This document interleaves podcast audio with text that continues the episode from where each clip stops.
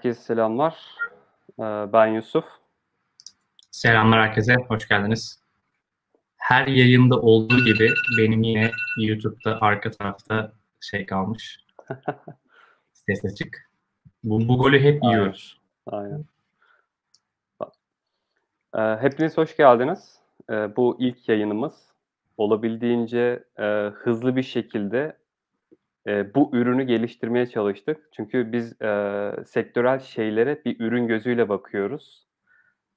Ve e, Twitter olsun, görseller olsun hızlı bir şekilde bunun MVP'sini yapıyoruz ve şu anda da aslında MVP'yi görmektesiniz. Ve burada sizlerin yorumlarıyla şekillenecek bir ürün var. O yüzden e, sorularınızı, feedbacklerinizi muhakkak yazın. Hepsini okuyoruz. Bizim için çok faydalı. Bu bir de dün oldu değil mi abi? Yani senin aslında sürekli e, benim de işte Ankara'ya geldiğim geldiğimde konuştuğumuz bir şey vardı. Beraber bir yayın yapalım. Hatta ben geçen hafta bir üç günlük coding challenge yaptım kendi kendime böyle uyumadan. E, sen de dedin ki işte ne zamandır istiyoruz bir 24 saat birlikte pair program challenge yapalım hiç uyumadan. Sadece kahve içeceğiz, Red Bull içeceğiz falan böyle sohbet muhabbetli bir yayın açacaktık. Ee, bizim Yusuf'la uzun zamandır aklımızda olan bir proje aslında bu. Ee, oturalım, sohbet muhabbet edelim. Yani çok e, sıkı dostlarız. Bu anlamda da haftada bir zaten böyle bir e, recamp yapmaya çalışıyoruz. Birbirimizi güncelleyelim. Sen ne yaptın abi, ben ne yapıyorum, neler yapmak istiyorum. Aslında bir, bir birbirimizin kariyer petinde de e, birbirimize koçluk yapıyoruz. Öyle söyleyebilirim amiyane tabirle. Bunlara da dedik ki sohbet muhabbet ederken bu bilgileri aramızda paylaşıyorken sektörden de çoğunlukla biz sohbetler ediyoruz. Herkesle birlikte bu işi yapalım. Bu buradaki muhabbet herkes arasında dönsün. Yani biz muhabbet edeceğiz. Ara ara sizleri de konuk olarak alacağız. Muhtemelen ikinci, üçüncü yayınlarımızdan sonra. Değil mi Yusuf? Evet, evet. Bu arada kendimizi kısaca tanıtmadan önce biz aslında nasıl tanıştığımızı e, anlatalım. Buyur, sen anlat.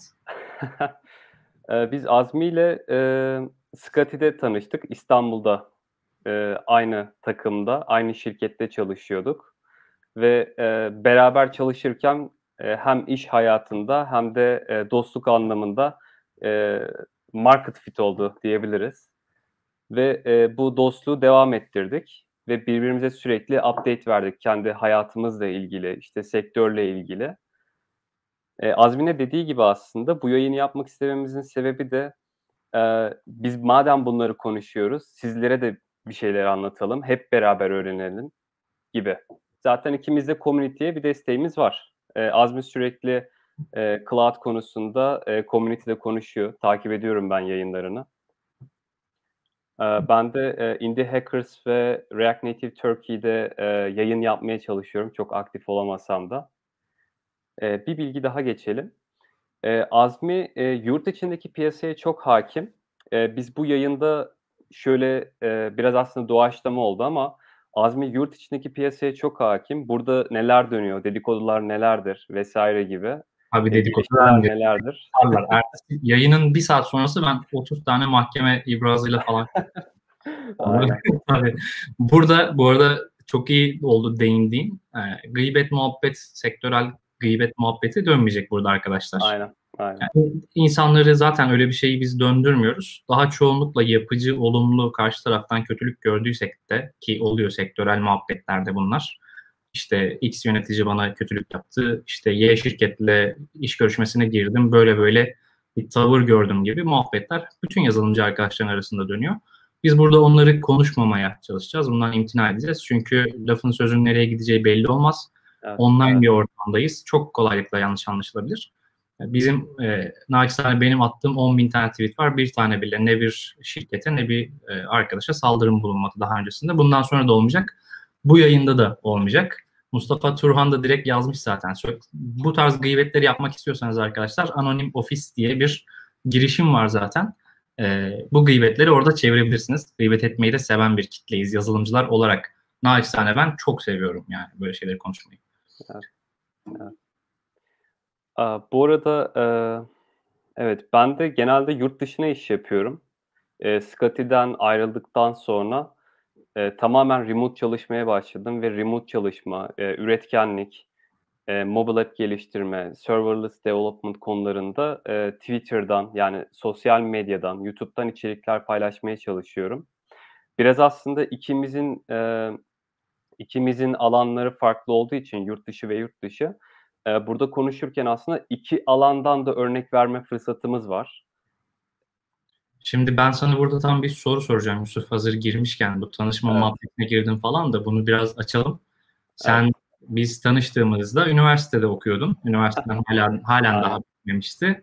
Ee, Scotty'ye geldin işte stajyer olarak başladın sonrasında Core Application yazan arkadaşlardan bir tanesi oldun ki Scotty 100 milyon dolar üzerinde derlemeye kadar çıkmış ve e, o zamanın en sevilen startup markasıydı ki şu anda birçok yapılan ürün isim vermeyeceğim.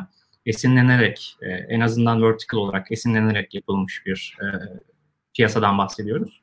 İstiyorsan bu süreci anlat. Yani Scotty ile tanışman nasıl oldu da sen şu anda yurt içinden gittin yurt dışına remote, contract base, işte İngiltere'ye, Singapur'a, Avustralya'ya iş yapıyorsun ve oralardan kazandığın e, paralar var. Neden Türkiye'de çalışmayı tercih etmiyorsun? Bu tarz bir yönelime gittin. Bunlardan bahsediyor olabilirsin biraz. Okey, okey. Çok çok güzel soru sordum. En ee, başta, başta abi. Evet. Lemi Orhan, Lemi Orhan Ergin'e attığın mailden at. Sektördeki arkadaşlar bilirler Lemi Orhan Ergin'i. Çok yakın evet. dostumuzdur kendisi de. İzlerse bunu selamlarımızı gönderiyoruz. Evet, selamlar olsun. Ee, sanırım üniversite birinci sınıftayım ya da hazırlıktayım. Ben Türk Telekom'da bir etkinliğe gittim. Agile, uh, Agile konusunda Turkey'in yaptığı bir etkinlikte. Ve orada e, Lemi abi ilk görüşümdü ve e, ben şey demiştim hiç unutmuyorum. Etkinlik bitti yanına gittim ve dedim ki e, abi selamlar ben işte hazırlık öğrencisiyim. E, çok bir şey anlamadım ama bu konularda kendimi geliştirmeye çalışıyorum demiştim ve etkinlikleri hep tek başıma gidiyordum. E, o da çok sevinmişti böyle elimi sıkmıştı ve e, çok çok hoşuma gitmişti. Çünkü bir hazırlık öğrencisiniz ve sektörde çok tanınan bir insan tarafından kale alınıyorsunuz. Ve o gün e, aklımda şu vardı ya bir gün ben bu adamla çalışacağım demiştim içten içe. Ve aradan seneler geçti. E, ben bir 5 e, aylığına yurt, e, yurt dışına Amerika'ya gittim. E, oradan dönüşte de bir akıllı tarım üzerine startup kurduk arkadaşlarımızla. E, daha sonra e, startupta işler iyi gitmedi. İşte ofis ofisteydik vesaire yatırımlarımız dönmedi ve daha sonrasında e, staj yapmam gerekiyordu. Hala üniversitedeydim ve dedim ki neden yazmayayım dedim. LinkedIn'den aslında ilk Lemi abiye yazdım ve sanırım bir iki hafta okunmadı ve içimden şey demiştim ya işte herkes aynı gibisinden böyle kızmıştım içten içe. Tam ee, böyle mi burada virgül atayım. Senin hikayenin aralarında virgül atıp bir de Scotty tarafını anlatacağım abi senin işe başlangıç kısmında. Ee, Lemi abi geldi bir gün böyle. Dedi ki dostum dedi arkadaşım bir tanesi inanılmaz güzel mail yazmış. Çok net açıklamış yazdığı şeyi yani istediği şeyi yapmak istediği şeyi. Yani çok fazla mail geliyor, çok fazla mesaj geliyor bu tarz abilere, sektördeki ablalara. Ee, bunların arasından sıyrılabilmişsin mesela o attığın mail, oradaki hitabet tarzı yazdığın cümlelerle ve senin e, geldiğimiz noktada şeyini de çok iyi görüyorum yani detaycı bir insansın, bir şeyleri mükemmel bir şekilde olsun istiyorsun ona göre hala cümlelerini de kuruyorsun, dizaynını yapıyorsun. Uygul yaptığın uygulamalarda da bu var. E, bu aslında biraz senin karakterinde oturmuş bir şey, öğrenilmiş bir şey değil. O attığın mailden sonra Lemi'nin çok hoşuna gitmiş. E, böyle bir mail yani düzeni olsun hem de yazdığı şeyler olsun. Dediler ki bu arkadaşı e, stajyer olarak alalım mı? Dedik ki alabiliriz abi. E, hani Lemi Orhan dedi biz iki, ikilemedik, sorgulamadık da. Güzel de beğenmişse zaten o saatten sonra e, içeriye hiring'i gerçekleştiriyorduk. Buyur devam et abi. Aa, ve daha sonra evet e, çok teşekkür ederim bu arada güzel sözlerin için. E, daha sonra işte mail yazdım. E, o sırada e, biz telefonla görüştük. Yani işte ne yapabiliriz vesaire diye. Benim mailde yazdığım cümle çok netti aslında. E, hiçbir beklentim yok e, maddi olarak. Sadece gelip sizlerden bir şey öğrenmek istiyorum demiştim. Yani onlar ben burada Ankara'da yaşıyordum o zaman. Bilseydik para vermezdik yani gittim bir de bizim şirketin paralarını yedim. Bir de sana maaş verdik falan. Aaa, evet, o da aslında biraz şöyle oldu. Ben istememiştim gerçi de, eee, çok sevdiğim yine Murat Gölcü, eee, Evet. product manager'ımız şey demiş, "Ya, böyle şey mi olur?" deyip araya girmişti. Neyse, Yusuf toparlayayım hemen. Yusuf o kadar iyi çalışıyordu ki zorla para verdik Yusuf'a bu arada. Bu hikâye gerçek yani. Eee, işte, eee, sonra telefonla görüştük, mailleştik vs. ve ben, işte, bir arkadaşımın yanına, eee, geldim. Sonra çalışmaya başladık vs. Yani aslında her şey o maille başladı. İlk o Telekom'daki, Türk Telekom'un, eee, binasındaki etkinlikle başladı her şey. Eee, orada şunu anladım ama eğer siz hırslıysanız, yani bir şeyi gerçekten istiyorsanız sadece istemek yetmiyor. Orada olabildiğince iletişimi düzgün bir şekilde ne istediğinizi, eee, bilerek ve hayatınızdan fedakârlık da yaparak, eee, amacınıza biraz herhâlde koşturmanız gerekiyor. Biraz da şans yaver gitti. Aaa, biz o startup'ı kapattık vs. Ben stajyer olarak, hani, bir anda böyle şey gibi, işte, CEO'luktan stajyerliğe geçiyor gibi komik bir durum vardı. Co-founder'dın sen şirketinde? Evet, ya title'lar çok önemsiz şeyler ama, eee, title'ları bırakıp orada çalışmaya başladık ve benim hayatımın bir dönüm noktası oldu. Ve neden, eee, diyorum bunu? Hem teknik anlamda hem, eee, çok sevdiğim dostlarım, işte, eee, senin gibi çok harika insanları tanıdım Estağfurullah ve abi. tamamen hikâye böyle başladı. Benim de teknik anlamda, hem kendimi gördüğüm hem geliştirdiğim yegâne ortam Scotty'dir. Her yerde söylüyorum, burada da söyleyeceğim. Scotty'de çalışıyor olmayı hâlâ daha isterdim. Her zaman isteyeceğim. 10 sene sonra da ama bu demek değildir ki, işte, Scotty Limited şirketi. Bu değil. Oradaki ruh, oradaki insanlar, oradaki teknik kabiliyet, oradaki ekip olma yapısında aslında çalışıyor olmak isterdim. Eee, Evet. buradan sonra ne yaptın sen? Scotty'den çıktıktan sonra daha Türkiye'de herhangi bir şekilde bordrolu bir işe girmedin diye biliyorum. Tabii, oraya geçmeden önce aslında ben Scotty ile ilgili bir şey anlatmak isterim. Buyur. ben Scotty'de ilk günümde aaa, orada bu arada ilk başlarda yabancı, yani İngilizce konuşuyorduk, daily yapıyorduk işte. Eee, orada ilk Azmi'yi gördüğüm zaman sabahın, eee, işte, sabah olmuş, herkes sırayla geliyor. Ben çok erken gelmiştim, heyecanlıyım. İlk işim böyle.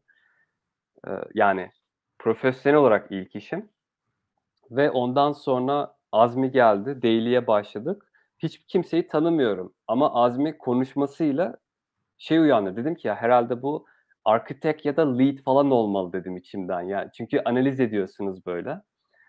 Eee, sonra, işte, öğrendim ki Azmi aslında orada 1 seneye yakın çalışıyor. Hani, birkaç senelik başka şirketlerde tecrübesi var ama yeni mezun olmuş sayılır. Yani 1 sene önce falan mezun olmuştun herhâlde. Evet, Orada evet. zaten, 1 sene eee, olmuş. ilk ilk bakışta şey anlaşılıyor. Eee, yani senin farklı bir insan olduğunu anlamıştım orada. Zaten, eee, devamında da muhabbet ede ede, eee, bugünlere kadar geldi. Hemen Scotty'nin sonrasını devam edeyim ben. Buyur abi. Eee, Scotty'den, eee, 2019'du sanırım. Yanlış mı hatırlıyorum bilmiyorum ama Doğru, doğru. 2019'un 2019 ortası. Ya, e 2019'un ortasında senin ayrılmış olman lazım. Eee, ben sanırım, eee, nisan gibi ayrıldım ya da Of. mayıs gibi ayrıl Abi ne ayrıldım. ne zaman ayrıldıysan abi. 2018'de ayrılmış oldun. Evet. Aynen. Eee, e, o günden itibaren aslında remote çalışıyorum. Yani, eee, yani uzaktan çalışıyorum Türkçesiyle. Fakat burada bir ayrım yapmak istiyorum. Work from home yani evden çalışmayla remote working, uzaktan çalışma aynı şeyler değildir. Şu anda birçok insan evden mecburiyetten çalışıyor. Eee, uzaktan çalışanlarsa bunu isteyerek, bilerek, metotlarıyla, teknikleriyle çalışıyor. İşte, o zaman, eee, Scotty'den ayrıldım. Eee, Almanya'da bir startup vardı, Procify diye. Orada başladık. Oranın, eee, tüm, eee, frontend, mobil işlerini yapıyordum. Bir yandan, eee, küçük bir takımımız vardı. Orada bir şeyler, eee, lead etmeye çalışıyordum. Eee, sanırım bir 5 ay vs.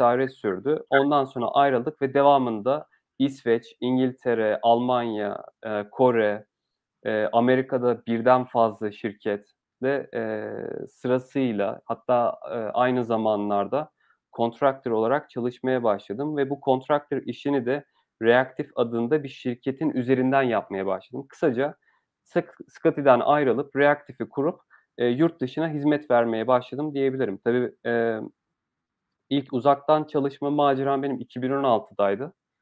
Eee, ondan sonra farklı üniversitede de girişimlerim oldu. Eee, ama şu anda, eee, düzgün bir şekilde devam ediyorum ve büyük ihtimalle de değiştirmeyi düşünmüyorum.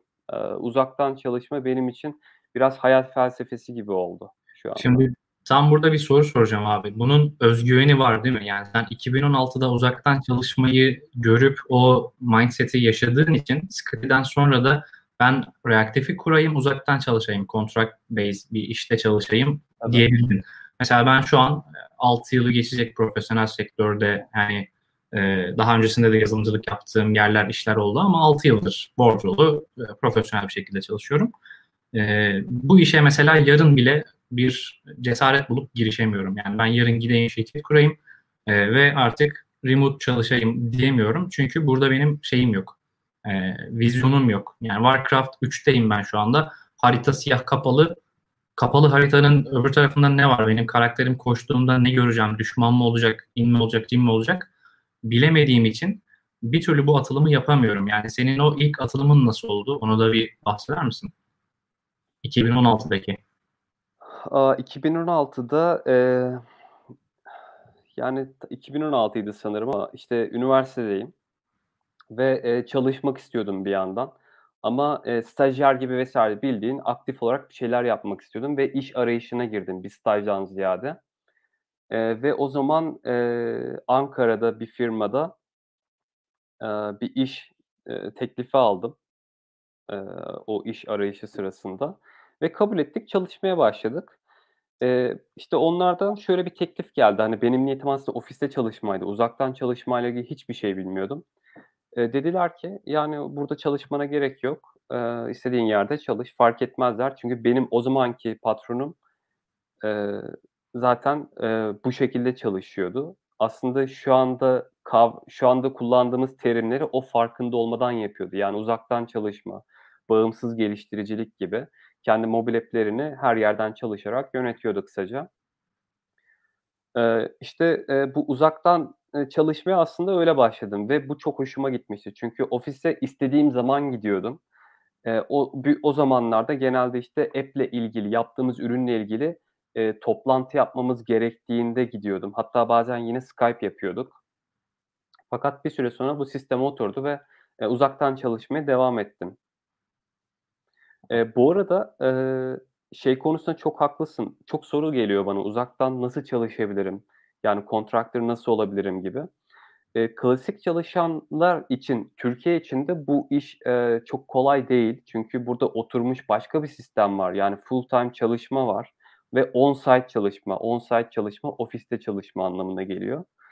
Eee, insanların çoğu, eee, ofiste çalışmaya çok alışkın ve bu alışkanlıkları kırmak, yani konfor eee, alı konfor alanının dışına çıkmak, eee, onları çok zorlayabiliyor. Aslında tam da bununla ilgili de bir ürün hazırlıyorum ben şu anda. Eee, insanların uzaktan çalışma eee, çalışmasına bir rehber olması niteliğinde. Bir e-book vs. değil, bildiğin bir mobil aplikasyon. Hatta Twitter'ımdan da, eee, bunun, eee, uygulamayı ve ürünü yapış biçimimi de düzenli olarak paylaşıyorum. Eee, merak edenler Twitter'dan takip edebilirler. Burada şey var aslında değil mi abi? Ofis ortamını insanlar seviyorlar. Yani ofiste sosyalleşme diye bir şey var evet. aslında. Biraz da bu kaçış o yüzden çok kolay olmuyor ama pandemiyle birlikte herkes evden çalıştığı için eminim ki e, işini gücünü bırakıp remote'a geçen daha fazla insan vardır eskiye nazaran. Şimdi bunu e, bir kenara bırakacağım. Bu tarz arkadaşlar da genelde Starbucks Starbucks geziyorlar. Sen de biliyorsun yani. Ben de hafta sonları gidip bir Starbucks'ta oturup çalışmak istediğimde tabii pandemiden öncesinde bir sürü geliştirici arkadaş oluyordu. Hatta birçok güzel arkadaşı da o kahve içilen ortamlarda tanıştım. Yani geliyorlar takımca veya e, individual olarak, bireysel olarak geliyor bu arkadaşlar. Geliştirme yapıyorlar. Neden? Çünkü abi evde bir yere kadar. 100 gün boyunca evde durdun, geliştirdin. Work from home, remote working'den kastımız buydu aslında. Evden oturup çalışma değil, nereden olursa olsun çalıştırma ki ben seni biliyorum. Oturdun Asos'a gittin orada çalıştın, gittin Rusya'ya oturdun Rusya'da remote çalıştın ve çalıştığın yer atıyorum İngiltere onların hepsinin birbirleriyle arasındaki saat farkı bambaşka. Evet. Aslında bu mindset'i kazanabilmek zaman içerisinde tabii bu da bir günde olmuyor. bu mindset'i kazanabilmek çok önemli. Bir arkadaş sormuş e, kullandığın diller işte remote çalışırken araçlar gereçler diye de en son cevaplarız o tarafa doğru geliriz. Evet. İstiyorsan evet. ben biraz nasıl oldu bu işler, e, nasıl seninle tanıştık, oradan sonraki hikayem nasıl şekillendi onu anlatayım. E, ben de üniversiteden mezun olur olmaz hemen evimin inanılmaz yakınındaki bir şirkette çalışmaya başladım. E, ilkokulu da, liseyi de, üniversiteyi de aynı mahallede okudum. Yani Maltepe'deyim. Maltepe'den dışarıya çıkmadım arkadaşlar öyle söyleyeyim. Ve e, çok aşırı tembel bir öğrenci olduğum için tembelden kastım uyuşuk yani her şeyi son dakikaya bırakırdım. Sınavları da son dakikaya bırakıyordum.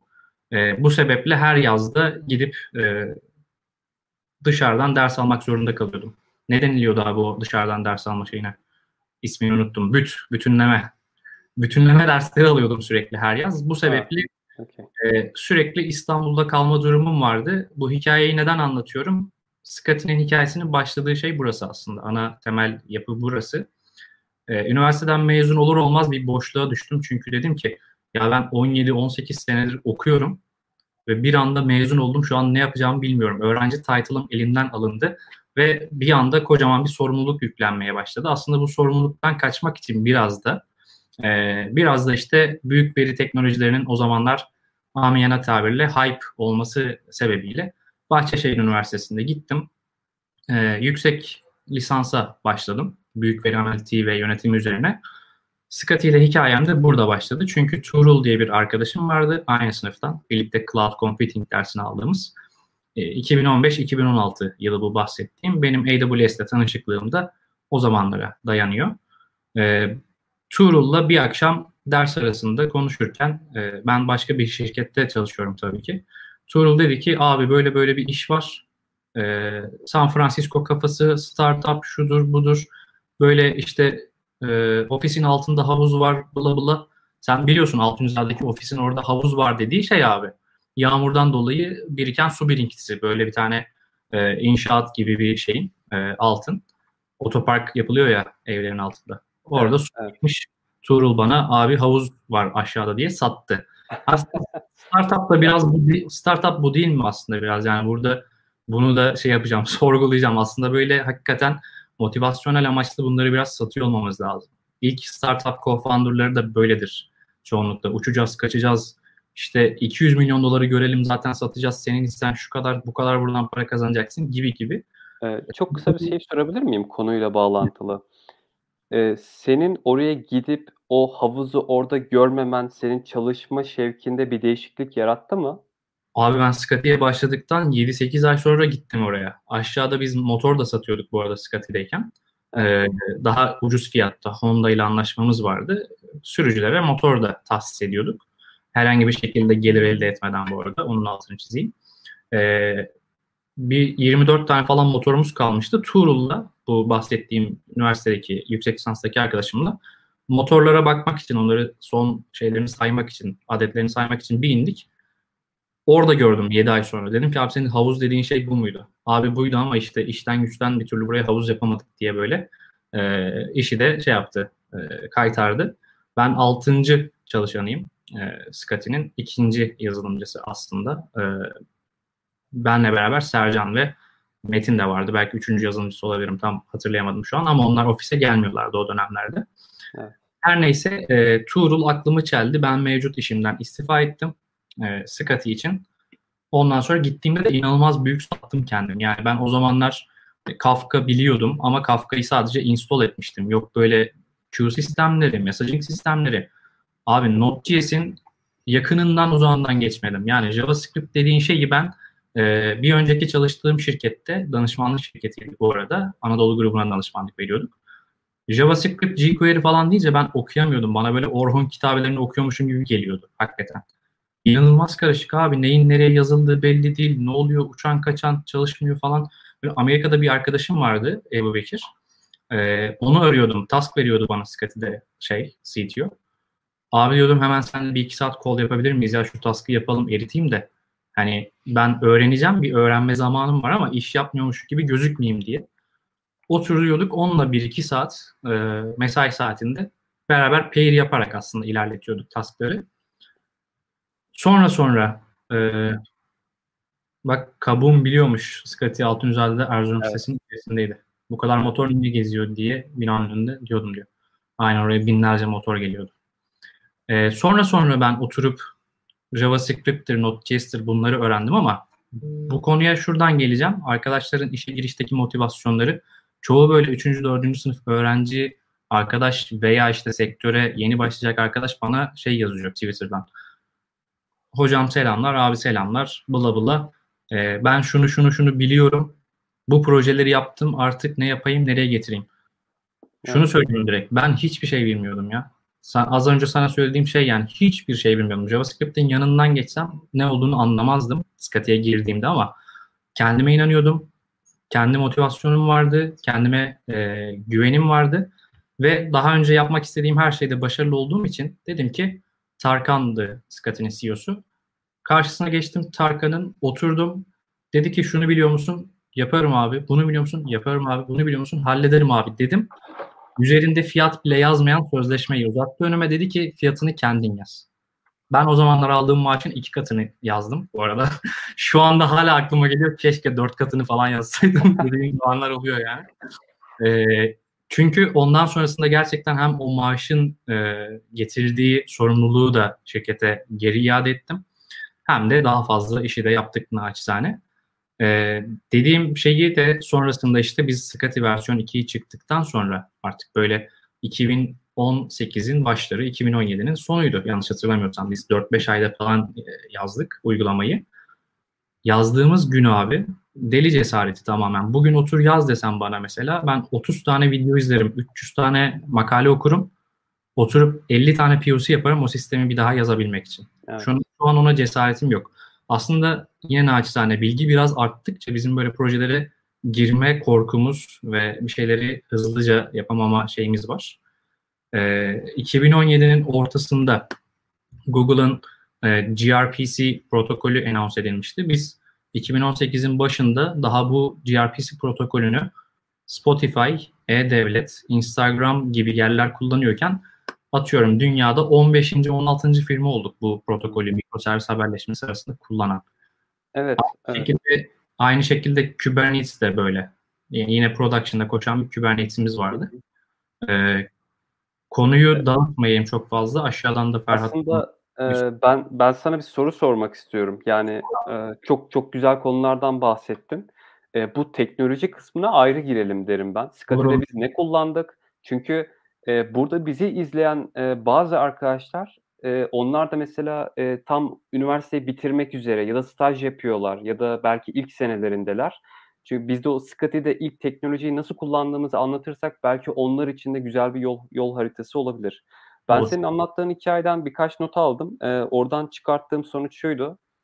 E, sen e, oraya sen, orayı seni sana güzel olarak anlatlar ve sen oraya gittiğin zaman fiziksel olarak orayı güzel bulmasan da belki yani beklediğin gibi çıkmasa da yine de hırslıydın. Yani şu, şu şunu anlıyorum. Aslında sana orayı satmamışlar. Sen zaten istemişsin. Yani sende bir Aynen. hırs var demek ki. Aynen Ve o hırs da e, yazılımcılarda olması gereken bir hırs diye düşünüyorum. Kesinlikle. Bizim hustler karakter diye bahsettiğimiz şey o. Evet. Arkadaş aşağıdan yazmış her yazılımcı bir startup tecrübesi edinmeli mi? Bana sorarsan özellikle sektöre ilk başlangıçlarında kesinlikle startup ne yapıyor olursa olsun çünkü bu şey gibi arkadaşlar kuru yemişçiye girdiniz mal satmayı öğrenmek, mal almayı öğrenmek, müşteri ilişkileri öğrenmekle birebir aynı şeyler. Yani bunu evet. çok kurumsal veya çok büyük startup şirketlerinde öğrenemiyorsunuz. Ben Scotty'ye ilk başladığımda e, ilk bir hafta direkt söyleyeyim Ikea'dan alınan sandalyeleri monte ettim. Yani benim hatta bir tane fotoğrafım var. Scotty tişörtüm var üstünde mavi. Terden böyle mavisi gözükmüyor. Griye dönmüş tişört. Niye? bir hafta boyunca ben onları monte ettim. 200 tane Ikea'dan alınmış sandalye. Cumartesi günü gelecekler. Sürücüler o sandalyeleri oturup eğitim alacaklar diye Scotty hakkında. Yani startup dediğin şeyin böyle dibinden sonuna kadar yaşamayı ben buradaki bütün arkadaşlara tavsiye ediyorum. Tamamen bu sebepten. Öyle olunca işte o vizyon açılıyor abi. Kendin de ileride bir şirket kuracaksan veya herhangi bir şekilde atıyorum mesela bana geliyor birlikte startup kuralım veya yeni kurulacak bir startup'ımız var. Mesela ben bu yeni kurulacak bir startup'ımız vara şu anda gitmiyorum. Çünkü o zamandaki motivasyon gücümü şu an kendimde bulamıyorum. Biraz daha stabil hayat şu anda aradığım şey. 2-3 sene sonra belki o hayata tekrar atılırım. Sıfırdan mobilyasını da alıp kurayım. İşte sürücüleriyle de veya operasyonuyla da kendim konuşayım noktasına geleyim. Evet. E, ikinci aldığım nokta şuydu. E, sen aslında e, bir tecrüben olmama, olmamasına rağmen Node.js bilmiyorum demiştin. E, ama orada biliyorum diyerek kendine satmışsın. Yani e, ben bir soru görüyorum burada. Biliyorum da demedim. Şöyle oldu hikaye direkt anlatayım. okay. E, Tuğrul dedi ki abi Tarkan'a senin LinkedIn şeyini atacağım, profilini atacağım dedi. Ee, bana da Scotty'nin şeyini gönderdi. Bu pozisyondaki developer ilanını gönderdi. TechCrunch'tan mı veya başka bir siteydi hatırlamıyorum şu anda. Ee, dedi ki buradaki teknolojileri al abi LinkedIn profiline yaz. Sana yemin ediyorum aynen bunu yaptım. Node.js yazıyordu orada aldım Node.js yazdım. Kafka yazıyordu aldım Kafka yazdım Skills'e. Sonrasında da Tarkan profile girdi görüntüledi. Demiş ki ya bu çocuğu nereden buldun ya biz bu arıyoruz arıyoruz bulamıyoruz falan. Orada skill setin aynısına birebir sahip dünya üzerinde insan yok abi. Ben de cahil cesaret tabii bilmeden etmeden oturduk tık tık tık tık yazdık falan her neyse. Ondan sonra e, dedi ki ça- çağır dedi tanışayım ben dedi bir Tarkan işte tanıştık ettik ondan sonra bu oldu. Ama bu arada şu notu da geçeyim arkadaşlar. Tarkan bunların hepsinden sonrasında haberdar oldu. Ben söyledim çünkü. Scotty'nin versiyon 2 release'i oldu bitti biz artık muhteşem bir uygulamayı canlıya almış olduk. Sıfır hatasız böyle inanılmaz güzel bir şekilde hem business'ıyla hem teknolojisiyle ilerleyen. Tarkan'ı çektim dedim ki abi sana bir şey söyleyeceğim. Söyle dedi. Dedi ki ben işte girerken sana böyle böyle böyle demiştim. Ama dedim gün sonunda bu uygulamayı ben ve ekip yaptık. Haberin olsun dedi. Böyle sarıştık, helalleştik falan. ben büyümüş oldum hem teknolojik olarak hem de evet. büyümüş oldu ekiple birlikte. Güzel yani, bir benim için. Evet yani buradan da şu sonucu çıkartıyorum. Sen kendini satmakla beraber onun altında doldurdun. Yani altı doldurulmamış e, bir vaatte bulunmadığını sonucunu çıkartıyorum. Yani Abi şöyle sattıktan sonra sen onu üretmek zorundasın. Şimdi böyle Tabii. bir sorumluluk Tabii. var. Şimdi ben mesela atıyorum önümüzdeki iki ay boyunca blog post yazmayabilirim. Blog post yazmak için ne yapıyorum biliyor musun? Tweet atıyorum. Diyorum ki arkadaşlar size önümüzdeki çarşamba günü bu konu hakkında bir blog post yayınlıyor olacağım. İnan bana geçen hafta bunu attığım için çarşamba günü işte yılın son blog postunu yayınlayacağım diye gecenin ikisinde oturdum sabahın 10'una kadar 8 saat blog post yazdım uyumak yerine. Niye? Zorundayım abi ben bu sözü vermişim. Yapacağım edeceğim demişim. Kendim bunu üretmek zorundayım. Zamanında üretmek zorundayım. Kaliteli üretmek zorundayım. Aslında kendi kendimi böyle motive ve challenge ediyorum. Biraz da zora sokuyorum diyelim. Evet, evet. de yaptığım bu oldu tamamen yani. Eee, onu onu onu ben ona ben bizzat şahidim bu arada. Yani, eee, sen herhalde benden 4-5 kat daha yoğunsun, eee, ve ona rağmen, hani, böyle bir yayına girmemiz, eee, hem benim için hem de bu tüm community için müthiş bir şans. Eee, tekrardan ben teşekkür ederim. Doğukan Eee çok güzel yazmış artık teknik mülakatlar var diye. Hâlâ eminim ki Yok vakti hayır. Zamanıyla, vakti zamanıyla Scotty gibi başlamak isteyen hala eminim ki şu an startuplar var. Sadece arkadaşlar tekniğinize bakmıyorlar. Güvenilirliğinize bakıyorlar. Konuşma stilinize bakıyorlar. Mindset'e bakıyorlar. Vizyona bakıyorlar. Aynı vizyonu taşıdığınız insanlarla teknik olmasa da gayet işe alım yapıyorsunuz. Ben bugün startup kursam bizim orada KIT metodoloji dediğimiz bir olay var. Karakter, ilgi, donanım. Siz şirket olarak Yusuf giriyorum ama buna çok kısa değineceğim. Evet. Siz şirket olarak hiring proseste karakter, ilgi, donanım diye 3 ana bacak belirlersiniz ve 10 üzerinden atıyorum bir threshold belirlenir. 7 ve üstü olan arkadaşla ben çalışacağım dersiniz. Bunun için karakter sizin puan skalanızda etkisi atıyorum 3 etkisi var. E, ilginin 5 etkisi var. 2 etki de tekniktir yani donanımdır. Donanım sonradan kazanılabilir bir şeydir. Bu arkadaşı tekniği olmasa da içeriye alırsınız. Gayet takır takır e, tekniğini de alır. Karakteri ve ilgisi varsa. Bu kit metodolojisini birçok şirket uygular. Back process'te tabii arka tarafta. Ama siz bunu çok fazla hissetmezsiniz. Onu da söyleyeyim. Doğukan Şahin Türk. Teknik mülakatlar ee, kolay. Çok, çok güzel çok güzel bir şeyden bahsettim burada. Ben de e, kısa bir şeyden değineceğim ama daha sonraki yayınlarda anlatacağım bunun nasıl olduğunu. Eee, işte, ben üniversite arkadaşlarımla bir startup yapmaya çalışırken Scotty'ye gittim falan. Şu anda abi son çalıştığım contractor eee, contractor'ın eee, mezun olduğu yer Oxford. İki ortaklar. Oxford'dan mezunlar abi ve birincilikle bitirmişler. Eee, işte, eee, aynı zamanda, işte, birisi Facebook'ta internlük yapmış, WhatsApp'ta engineer olarak falan çalışmış. Aynı yaştayız bu arada adamlarla. Eee, şunu düşündüm, ya bu remote çalışma öyle bir şey ki ve kendini öyle geliştiriyorsun ki artık çalıştığın insanlar senin asla erişemeyeceğini düşündüğün insanlar hâline geliyor ve, eee, sırf o adamlarla çalışırken şunu düşündüm, ya acaba ben bu adamlarla 1 sene çalışsam da para istemesem mi dedim. Uzun zaman sonra bunu hissettim tekrar. Ya o kadar kaliteliler ki birçok alanda. Sadece teknik anlamda değiller. Hani hayat görüşleri, felsefeleri vs. Eee, yani, eee, o dedi ya, işte, mülakat konusu. Bunu şuraya bağlayacağım. Onlarla çalışırken abi, eee, bir hiring prosesleri vardı. Yani işe alım yapıyorlardı. Fakat ben contractor olarak çalıştığımı belirtmiştim. Eee, dedik ki, yani, contractor olarak çalışalım.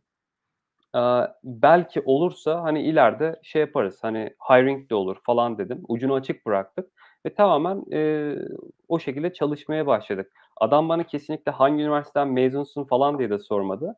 Çünkü zaten zeki insanlarda, eee, sen onunla konuşurken senin seçtiğin kelimelerden, cümlelerinden, eee, konuşmandan, hitabet yeteneğinden senin ne kadar doğru olduğunu zaten anlıyor. Senin ne olduğunu zaten anlıyor.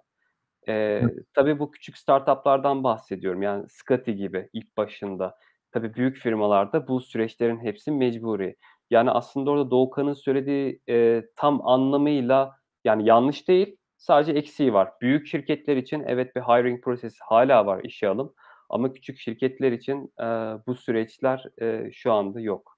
Tabii biz de Scotty'de geldiğimiz son noktada 2 hafta teknik mülakat sürüyordu arkadaşlar. Yani 10 kişi giriyordu sizin teknik mülakatınıza. Hani, eee, proje atılıyordu, projeyi yapıyordunuz. Ekstra yaptığınız projeyle birlikte geliyordunuz ve ilgili domaindeki takımdaki arkadaşlarla beraber odaya geçip yansıtıp hep beraber kodu review ediyorduk. Niye, işte, burada bu teknolojileri kullanma gereği duydun veya burasını iyi yazmışsın, güzel yazmışsın, burada ne gibi iyileştirmeler yapabilirdik diye bir şeyimiz, prosesimiz vardı. Bu bahsettiğimiz şeyler startup'ın böyle sıfır noktasındaki şeyler aslında. Gerçekten karakterine, ilgine bakıp tekniğini sen doldurursun altına deyip şirketin güvenme durumu. Evet. Eee, sen bahsederken şu Oxford mevzusundan aklıma şey geldi ya, Türkiye'de böyle ben hiç sevmiyorum abi, iş ilanında ODTÜ'den mezun, Koç'tan mezun, İTÜ'den mezun, Excel bilen, Microsoft Word bilen diye başlayan bir iş ilanları var ya. Eee, rica edeceğim şir firmalar üstüne alınmasın ama benim şeyimdir, eee, ODTÜ'den, İTÜ'den, oradan buradan mezun arkadaş tamam okay. Ben bu arkadaşlarım bu arada hepsiyle çalıştım. Getiri'deki developer arkadaşların yarısından fazlası neredeyse Boğaziçi mezunuydu yanlış hatırlamıyorsam. Şimdi bu arkadaşlarla da çalıştım. Seninle de çalıştım. Ankara'dan X üniversitesinden, ben de İstanbul'un Maltepe Üniversitesi'nden mezunmuşum. Yaptığımız iş yani üst, üstüne koyduğumuz ürün belli, bu arkadaşların yaptıkları işler belli. Olay üniversitenin title'ı hangi üniversite olmasından tamamen bağımsız. Özellikle bizim yazılım sektörü için konuşuyorum. Ki geldiğimiz noktada şeyler de tartışılıyor. Yani artık üniversitenin gereksizliği, bu e, çeşitli üniversitelerin MIT özellikle CS programlarının videolarını izle, kitaplarını oku. Tamam abi artık computer science ben engineer'sın anlamında. E, evet. Deniz İlgin gelmiş. Deniz İlgin'i gömebiliriz. Hiç sıkıntı yok. Estağfurullah bu arada. Konuya Abi, ben biraz yabancıyım ama anlamadım o, o muhabbeti. Arkadaşlar bastılar şeyini de yayını. Excel, Excel'le ilgili yorum. Abi bunu da yapacağız bu arada aynen. Bu arada bu yayınlarda bu, bu olacak arkadaşlar. Yani iki haftada biz bir biz burada dedikodu işte bugün FKA Deniz İlgin'e ne dedi? Ender Ahmet Türk bir tweet paylaşmış abi. Aç tweet'i biraz yorumlayalım. Bu da olacak yani. Böyle sohbet muhabbet arasında sizin de dahil olduğunuz. Evet. Bizim de böyle bu, bunu niye yapıyoruz bu arada? Yusuf çok lafını böldüm ama sen döveceksin beni kusuruma bakma abi. Estağfurullah. Özgüven kazansın diye ya ben sabahtan akşama kadar sırf bunun için konuşmak istiyorum. Yazılımcı arkadaşlar özgüven kazansınlar, motive olsunlar. Birlikte hep beraber motive olalım yani. Ben tamam bir yere kadar kendi kendimi motive edebiliyorum ama collaborative working diye bir şey var. Community diye bir şey var. Biz niye komünüz abi? İnsanlar olarak niye sosyal canlılarız? Bu sebepten birbirimizden yararlanmak, birbirimize fayda sağlamak, motive olmak amacıyla benim en büyük beslendiğim noktada sizlersiniz yani insanlar, diğer dostlar. Ee, Exen konuşmayalım, yayın çok iyi diyen var. Bula bula. Ben böyle yana, yana bakıp gözüm sürekli kayıyor. Bu alışkanlığı şey yapmalıyım. De okuyorum dışarıdan sesli. Her neyse, Scotty'den sonra ne yaptım abi? Demek wow. ki... Ee, çok çok pardon. Hemen e, Mertcan Köse yazmış. Yusuf Hocam ben de IB'de okuyorum. Biz aslında orada e, kulüp başkanlığı yapmıştım bir sene. E, bu çalışmadan önce de orada okul içinde e, etkinlikleri yönetebilecekleri Event Yebo diye bir şey yapmıştık. Hala kullanıyorlarmış. E, onu yazmış. Çok hoşuma gitti. Okey. ben konuyu anlamadım. Şöyle, okay. e, bu, bu aslında güzel de bir örnek olabilir. Bunu e, es geçmeyelim. E, üniversitede okuyan arkadaşlara kesinlikle tavsiye ederim. Bir kulübün içine içine girip orada etkinlik yapmalarını. Fakat bu işte e, etkinlik yapıp sertifika dağıtılan e, muhabbete gelmesin. Gerçekten e, production'a çıkartabileceğiniz e, yani bir ürün yapabileceğiniz kulüplere üye olun ve oralarda e, işte başkan olun, başkan yardımcısı olun ya da e, çalışın. Herhangi bir şey yapın yeter ki. Eninde sonunda onun faydasını görüyorsunuz. Ben çok gördüm açıkçası.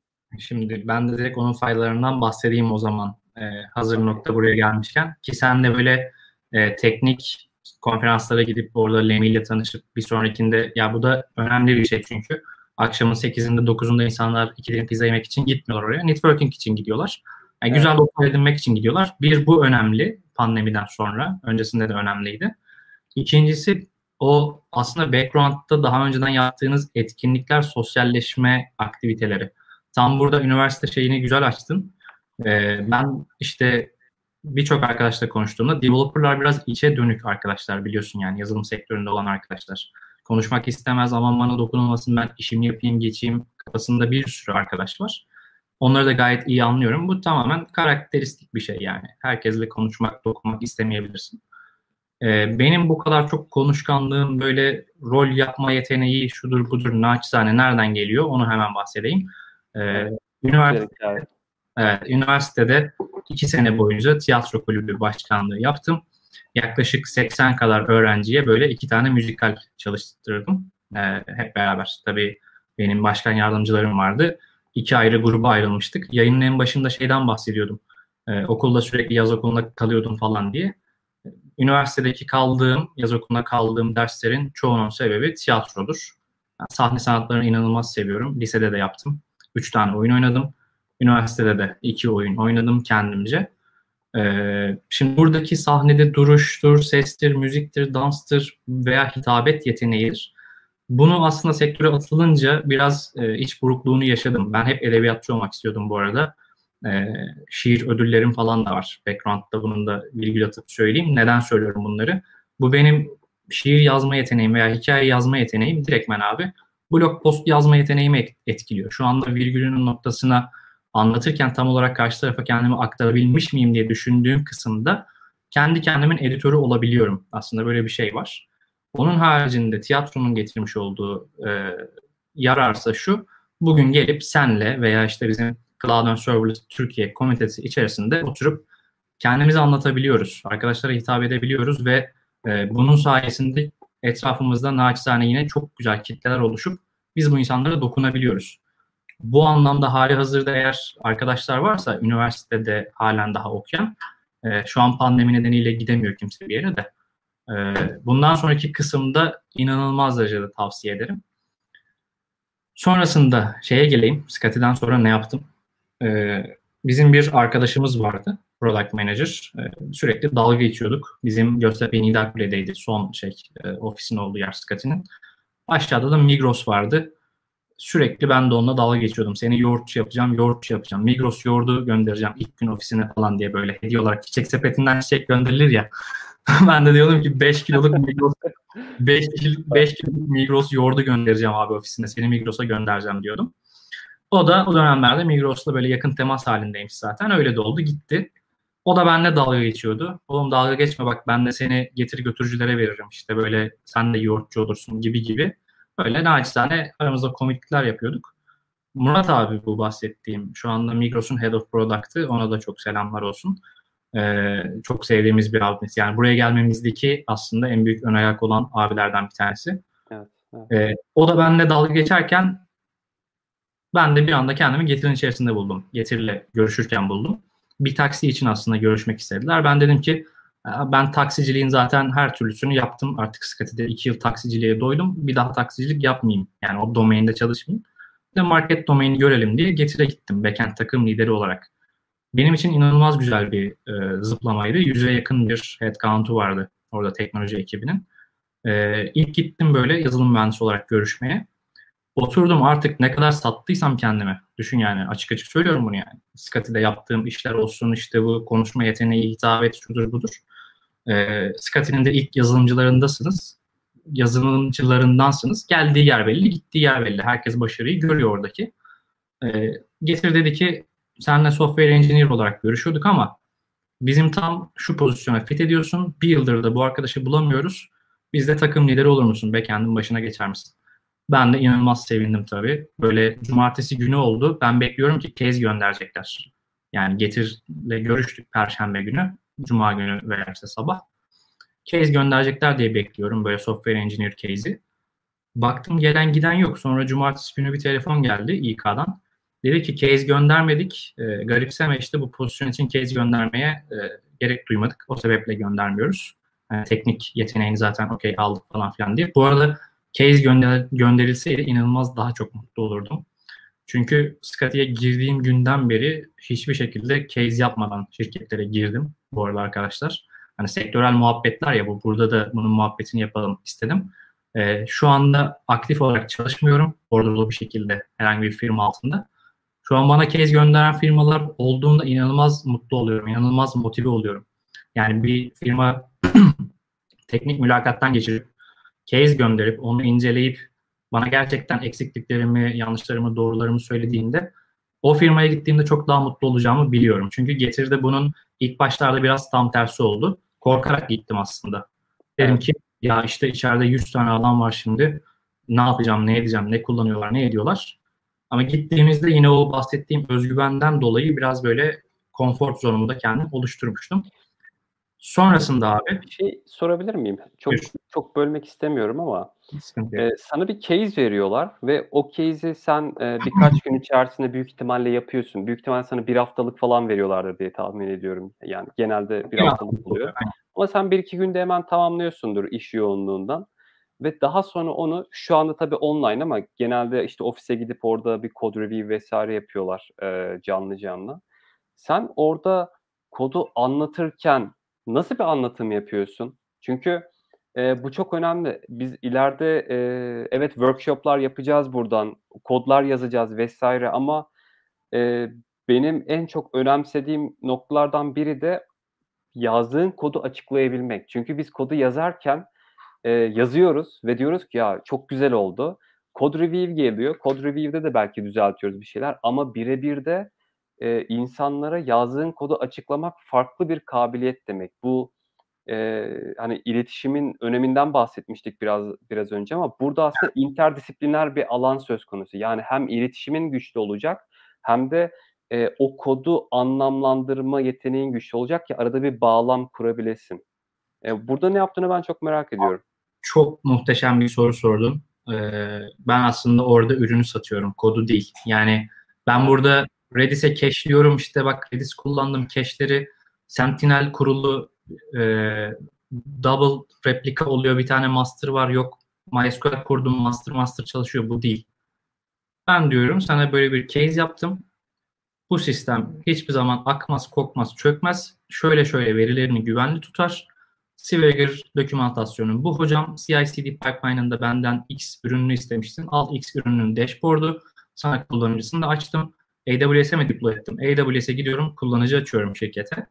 Ve diyorum ki al infrayı da incelemek istiyorsan bu. Benim malım ortada. Yani gidip de teknik olarak tabii ben gireceğiz bütün fonksiyonlara. Niye burada şunu yaptın? İşte JVT Authentication'ı niye bu şekilde e, implement ettin? Bunları tabii ki konuş, konuşacağız ama evet. Aslında ilk başta girilmesi gereken nokta benim açımdan ben böyle yapıyorum. e, ürünü satmak. Çünkü size bir ürün yazdırılıyor orada. Oradaki şey teknik kabiliyeti görmekten çok aslında biraz o tabii ama sizin bunu nasıl satıyor olduğunuz. Yani bu direkt şirket içerisine girdiğinizde size PMPO veya CTO tarafından task geldiğinizde de karşılaşacağınız bir challenge. Çünkü size gelecek product takımı diyecek ki e, user'ların işte isimlerinin değiştirilmesi, geliştirmesi var. Bunu geldiğinizde siz ürün diliyle konuştuğunuzda belki e, o ilgili feature'ın implemente edilmemesini sağlayacaksınız. Teknik yetersizliklerden dolayı veya e, bir takım borçlardan dolayı. Veya diyeceksiniz ki ya biz bu kullanıcıların isimlerini şöyle bir ürünün içerisinde zaten değiştiriyoruz. Oraya doğru bir implementasyon yapalım mı diye bir gözle bakmak lazım bence. Ürün gözüyle bakmak lazım. Evet. Title'ınız ne oluyorsa olsun. Ee, niye buraya geldim? Case'lere de bu gözle bakıyorum. Aa bana case attılar, teknik şeyimi ölçecekler falan filan gözüyle değil. Ben abi son kilometre bir ürün teslimatı yapacağım. Bu son kilometre ürün teslimatını yaparken de uçtan uca bütün case'lerini düşünüp müşterim buna ihtiyaç duyar dediği noktaları önce bir sıralayıp onun üzerine geliştirme yapıyorum. Bilmem anlatabildim mi? Cevap oldum yani sonra. Evet, evet, evet. Bu bu konuyu da ben not alıyorum. Bunun üzerine aslında bambaşka bir bölüm yapabiliriz. Evet. Yani şöyle, e, güzel bir fikir de aklıma geldi. geldi. O da e, biz workshop yapacağız dedik. O workshopta aslında e, belirli bir kod yazmaktan ziyade random bir e, fikir buluruz. Onu ürün haline çevirip ürün yazarız aslında burada online bir şekilde. Şöyle Ve o ürünü yazdıktan sonra da kod review'ını yaparız işte. Beraber burayı daha iyi nasıl yapabiliriz gibi. Şöyle yapsak çok tatlı evet. olmaz mı? Ya böyle şirketlerden rica etsek atıyorum 3-4 şirketten rica etsek bize interview'larını gönderseler. Aa evet. Desek ki online canlı yayında sizin bu interview'ınızı kodlayabilir miyiz? Üzerinde evet. düşünebilir miyiz diye.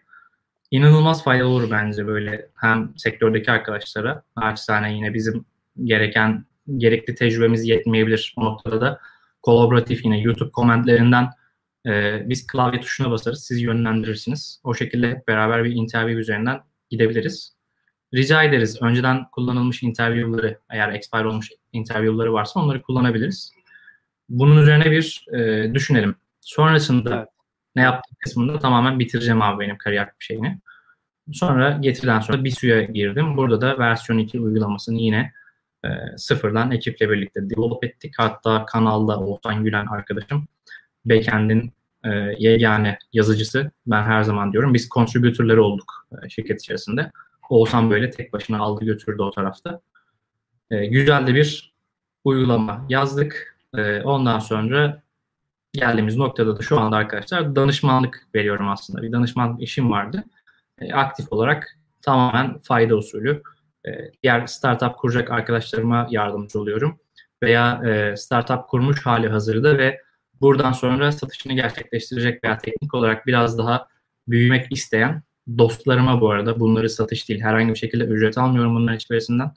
E, tamamen dost usulü yardımda bulunuyorum evde oturuyorken. E, aynı zamanda da Cloud and Serverless Türkiye'de hem blog post hem de arkadaşlarla birlikte yine çok sevdiğim dostlarımla birlikte yayınlar yapıyoruz. Senle de birlikte inşallah böyle iki haftada bir sektörel muhabbet edeceğiz. Yani bu yayın biraz hardcore olmuş olabilir. İlk yayın girdiğimiz için biraz dağınık. Evet. evet. Ee, ne yapıyoruz, ne ediyoruz diye. E, LinkedIn'de de var zaten böyle adım adım ne yaptık, ne ettik gibi. Aa, aslında başta biraz bahsetmiştik ama sonradan gelen arkadaşlar için de özet niteliğinde e, neler yaptık, neler yapacağız gibi bir özet geçebiliriz tekrardan deneme yapalım diye bir soru var YouTube'da da. Ee, onu cevaplamak ister miyim şu an istemez miyim hiç bilmiyorum ama naçizane benim şu an yaptığım e, zaten şu an süremiz az kaldı Azmi ama e, şey yapabiliriz. Burada soruların her birini toparlayıp e, sonraki yayınlarda cevaplayalım. Çünkü Olur.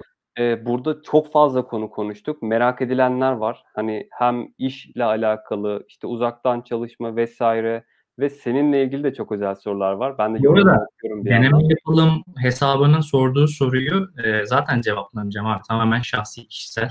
Şirket evet, benim evet. alanımda olan şey. Yayının en başında bahsettik arkadaşlar. Burada kimse hakkında hiçbir şey konuşmayacağız. Burada çok güzel şeyler konuşacağız. Birbirimizi geliştirmek için yani arkamıza bakıp aman aman onu konuşalım, bunu yapalım. Bunlar derdimiz değil. Kim ne yapıyorsa yapsın. Hiç önemli değil. Konu, derdimiz evet. gelişmek, daha ileriye gitmek. Ee, gün ola ki daha çok gelişip daha ileriye gittiğimizde biz elimizden gelen her şeyi yapabilelim zaten. Bunun için çalışıyoruz. Ee, bu arada sorularda şey görmüştüm. Ee, işte işten ayrılıp startup kurmalıyım mı gibisinden. Startup bu soruya cevap verme bu soruya ben cevap vermek istiyorum. E, şahsen olarak ama e, sonra da evet. Ben şeye cevap vereyim. Sen ne zaman startup kuracaksın? Okey. Ee, aslında bu soruları da ben biraz sonraya saklamak istiyorum. Çünkü ürünleştirme yani productization, e, bireysel geliştirme vesaire bu konu startup kurmayla ilgili bir sürü e, video yapacağız. Tabii burada şey çok önemli. Arz talep dengesi çok önemli. Talep ne kadar fazla olursa biz de e, arzı sağlamak adına vakit ayırıp e, burada video yapacağız. Yani şu anda planımız tabii ki iki haftada bir yapmak. Tabii ki sizlerden e, daha çok destek görürsek e, belki haftada bir bile yapabiliriz. Lafını ee, böldüm ama evet. bugün bir saati aşabiliriz yani gayet hani izlenen o izleyici olduğu noktada bir saati aşabiliriz abi. Bahsedebiliriz yani şu neden startup kurmuyorsun veya böyle bir işe nasıl atılacaksın sana gelen soru için. Okey. O zaman şöyle yapalım. Ben hemen buradan soruları da ekrana yansıtayım. O soruyu bulabilirsem bayağı yorum gelmiş. Sorusu olan da bu arada yardırsın abi direkt. Her türlü şeyi elimizden okay. geldiğince İbrahim sormuş soruyu. Abi sen ne zaman startup kuracaksın? Startup hayalin var diye biliyorum. Evet dostum. Bekliyorum cevabını. Abi şöyle, pandemi öncesinde Getir'de çalışırken zaten ben bu arada Getir'den 3 kere istifa ettim. Kabul edilmedi hiçbirisi. Ee, ilk ikisi startup kurmak için ve bir takım problemlerden ötürü yani kendi problemlerimden ötürü e, istifa etmek istedim. Pandeminin öncesinde şu anda TikTok diye gördüğünüz e, Hedef Filo'nun yaptığı bir uygulama var. Herkes biliyor. Garanta Move bunun adı. Garanta Move'un yaptığı business'ın aynısı aslında. Biz de e, eski Scati ekibi olarak aynen Garanta Move ne yapıyorsa üstüne de koyarak naçizane bir startup kurma fikrimiz vardı. E, bütün her şey hazırdı. Yani UI'ından tut da reklam işbirliklerine kadar, marketing, e, buradaki sharinglerine kadar her şey hazırdı. Application'da da gelebilecek noktaya kadar böyle elimizden geldiğince gelmeye çalıştık. Sonrasında bu 11 Mart'taki pandemi patladı tabii. Herkes kenara çekilince hatta ilk yatırımı da biz, e, yatırım sözünü de Hedef Filo'dan almıştık arkadaşlarla beraber. Hedef Filo'ya Hedef Filo için bu uygulamayı yapacaktık aslında. Şu anda yine tırnak içerisinde söylüyorum TikTok uygulaması, mobile app'i var. Bu uygulamayı biz yapmadık veya bizden herhangi bir arkadaş yapmadı. Çünkü Hedef Filo ile arkadaşlarım görüştüğü süre boyunca zaten Hedef Filo bizim bu tarzda bir uygulama fikrimiz var. Ee, sizin de böyle sıkıntı çalışanlar olarak gelip böyle bir fikirle biz yapalım demeniz hoşumuza gitti. Bizden size yatırım sözü, gidin MVP'sini yapın gelin, hep sizin olsun demişti ama biz gelemedik çünkü pandemi oldu. Bütün planlar e, suya yattı. Şu anda startup yapmak istemiyorum sıfırdan. Bunun sebebi işte önümüzdeki sene nasip olursa tabii e, bir evlilik şeyine gireceğim. E, petine gireceğim ama ben yol diyorum abi çünkü çok uzun bir yol. Hem bu sebeple hayatım biraz daha stabil olmasını istiyorum. Böyle tamam ben e, herhangi bir şirkette yine 7-24 gerektiğinde çalışacağım bu arada ama onu ben e, ünvan olarak tepemde taşımayayım, sorumluluğum olmasın diye şu anda sıfırdan bir şeylere co-founding girmiyorum. Bir tanesinin sebebi bu. Bir tanesinin de artık çok fazla yorulduğum için e, dedim ki biraz dinlenme aslında rölantiye alma dönemine geçeyim. En azından bir 6 ay, bir sene, 2 yıl. Bunun ne kadar süreceğini bilmiyorum. Ve aslında finans bilgim, muhasebe bilgim, para bilgim sıfır arkadaşlar. Bunu direkt söyleyeyim yani. Bana maaşım eksik yatsa haberim olmaz. Nereden kesinti oldu, ne oldu, ne bitti falan. Şimdi bu kadar finans muhasebe cahili arkadaşın da startup kurması çok e, tavsiye edilmez bence.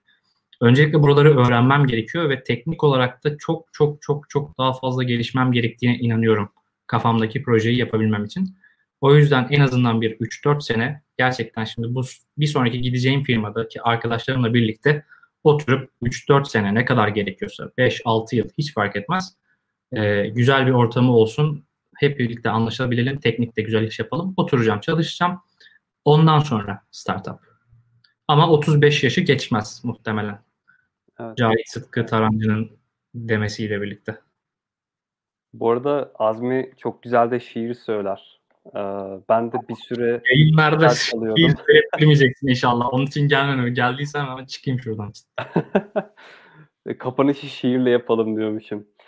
Ee, burada bir, bir sürü soru var. Ee, uzaktan çalışma ile ilgili sorular var. İşte motivasyon koruma ile alakalı var. Startup kuralım mı diye sorular var. Şimdi şöyle, e, burada bazılarını hızlıca e, özet geçebiliriz. Geçtikten sonra da e, detaylı olarak zaten ileriki bölümlerde bunu yapacağız. E, Mert Adatepe'nin bir sorusu var. E, startup'ta çalışmanın kariyer etkisi nedir? Daha doğrusu ilk yıllarda kurumsal vesaire startup hangisi kişisel olarak gelişimi arttırır? E, bu konuda konuştuk. E, onu biraz videoyu videoyu bitirdikten sonra geriye alıp izleyebilirsiniz. Ama özet e, cevap vermek ister misin Azmi? Abi bütün tokatları aynı anda yiyin. Bu 10 senede farklı farklı şirketlerde gözükmesin. Bir startup'a girin 10 tane tokatı yiyin. Bu arada hem iyi anlamda hem kötü anlamda söylüyorum. Kötüden ziyade şey e, bu benim IKEA sandalyelerini monte etmem hikayesi. Kötü değil bu arada. Onu da yaşayıp bütün aşamaları görmüş olmanız. Benim oradaki tokattan kastım kötü anlamda bir tokat değil hem iyiliğini görün hem zorluğunu, çetrefilliğini görün en azından bir iki startupta. Ondan sonra zaten ben kurumsal insanı mıyım, startup insanı mıyım? O tam oturuyor. İki startuptan sonra oturuyor. Ben altı startupta çalıştım yanlış hatırlamıyorsam. E, yedinci startup, sekizinci, sekizinci startup'ı da görürüm. Hiçbir zaman da kurumsalda çalışmayacağım. Naçizane kendim için söylüyorum. Çünkü çalışmak istiyorum abi 7-24. O yüzden Startup'ta çalışmanın kariyere etkisi şöyle. Sürekli startuplarda çalışmak istiyorsunuz. Gerçekten bir startupta adam akıllı oturup çalıştıktan ve güzel bir başarı elde ettikten sonra aradığınız kan o oluyor aslında. Bir vampirleşme durumu var abi. Sürekli birilerini sürekli bir teknolojiyi, sürekli bir başarıyı ısırmak istiyorsunuz. Yani öyle bir açlık duygusu var. E, bu üretim de oradan geliyor zaten. Sürekli üretme isteği, sürekli üretme motivasyonu falan.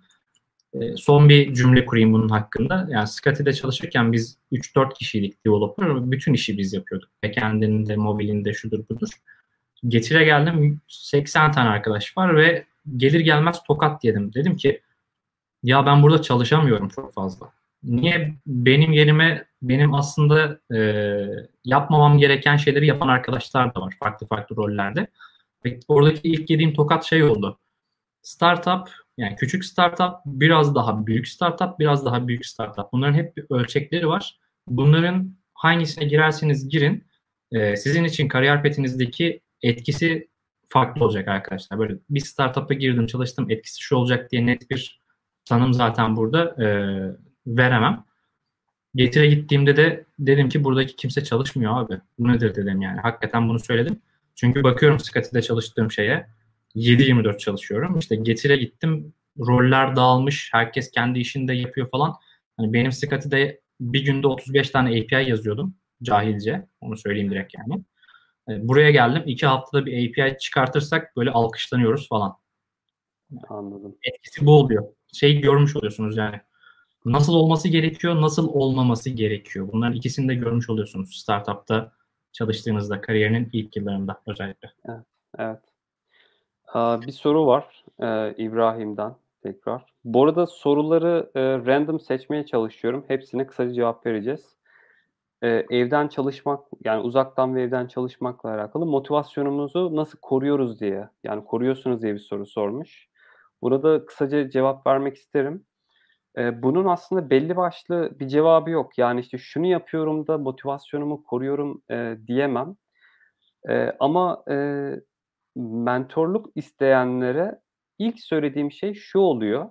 Başarının yolu hard work yani çok çalışmaktan geçmiyor. Öncelikle siz kendi hayat kalitenizi yükseltmeniz lazım. Bunu e, öncelikle yediğiniz yemeğin kalitesini arttırarak, spor yaparak, e, düzenli beslenerek, e, vitamin eksikliğiniz varsa tabii bir kan değerlerinize bakın, işte vitamin alarak.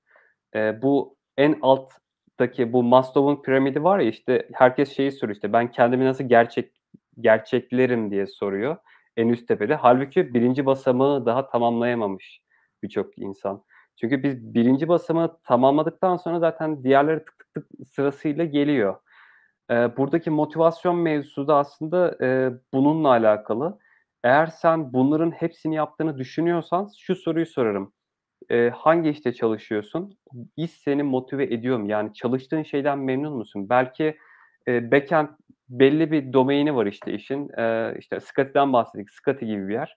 Scotty'nin belki backend'ine çalışıyorsun ama gerçekten mobil yapmak istiyorsun. Bu belki motivasyon eksikliği.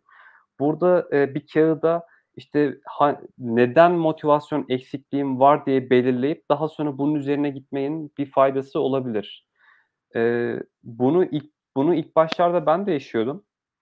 Fakat bunun sebebi aslında biraz düzensiz beslenme diye anladım.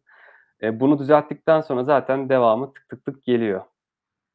Ee, burada senin eklemek istediğin bir şey var Mazmi yoksa e, diğer soruya geçeceğim. Onu sen çok iyi biliyorsun. Senin alanın ben en başında bahsettiğin gibi biz evden çalışmak zorunda olduğumuz için evden çalışıyoruz. Sen bunu isteyerek, bilerek, profesyonel olarak yapıyorsun. Bu tarz sorulara sen cevap verirsin direkt. Deneme yapalım. Demiş ki sektörel şeyler YouTube kanalı olacak mı?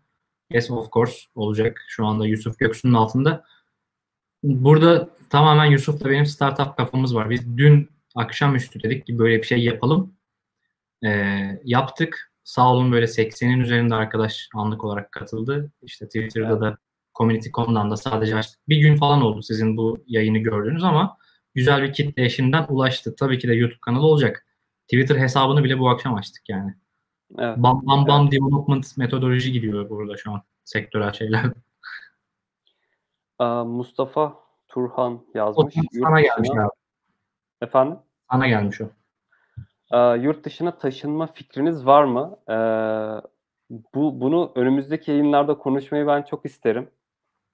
Çünkü, eee, uzun süredir yurt dışına çalışıyorum ve artık, eee, bazı şeyler böyle bardağı taşmaya başladığını hissediyorum. Ne demek o?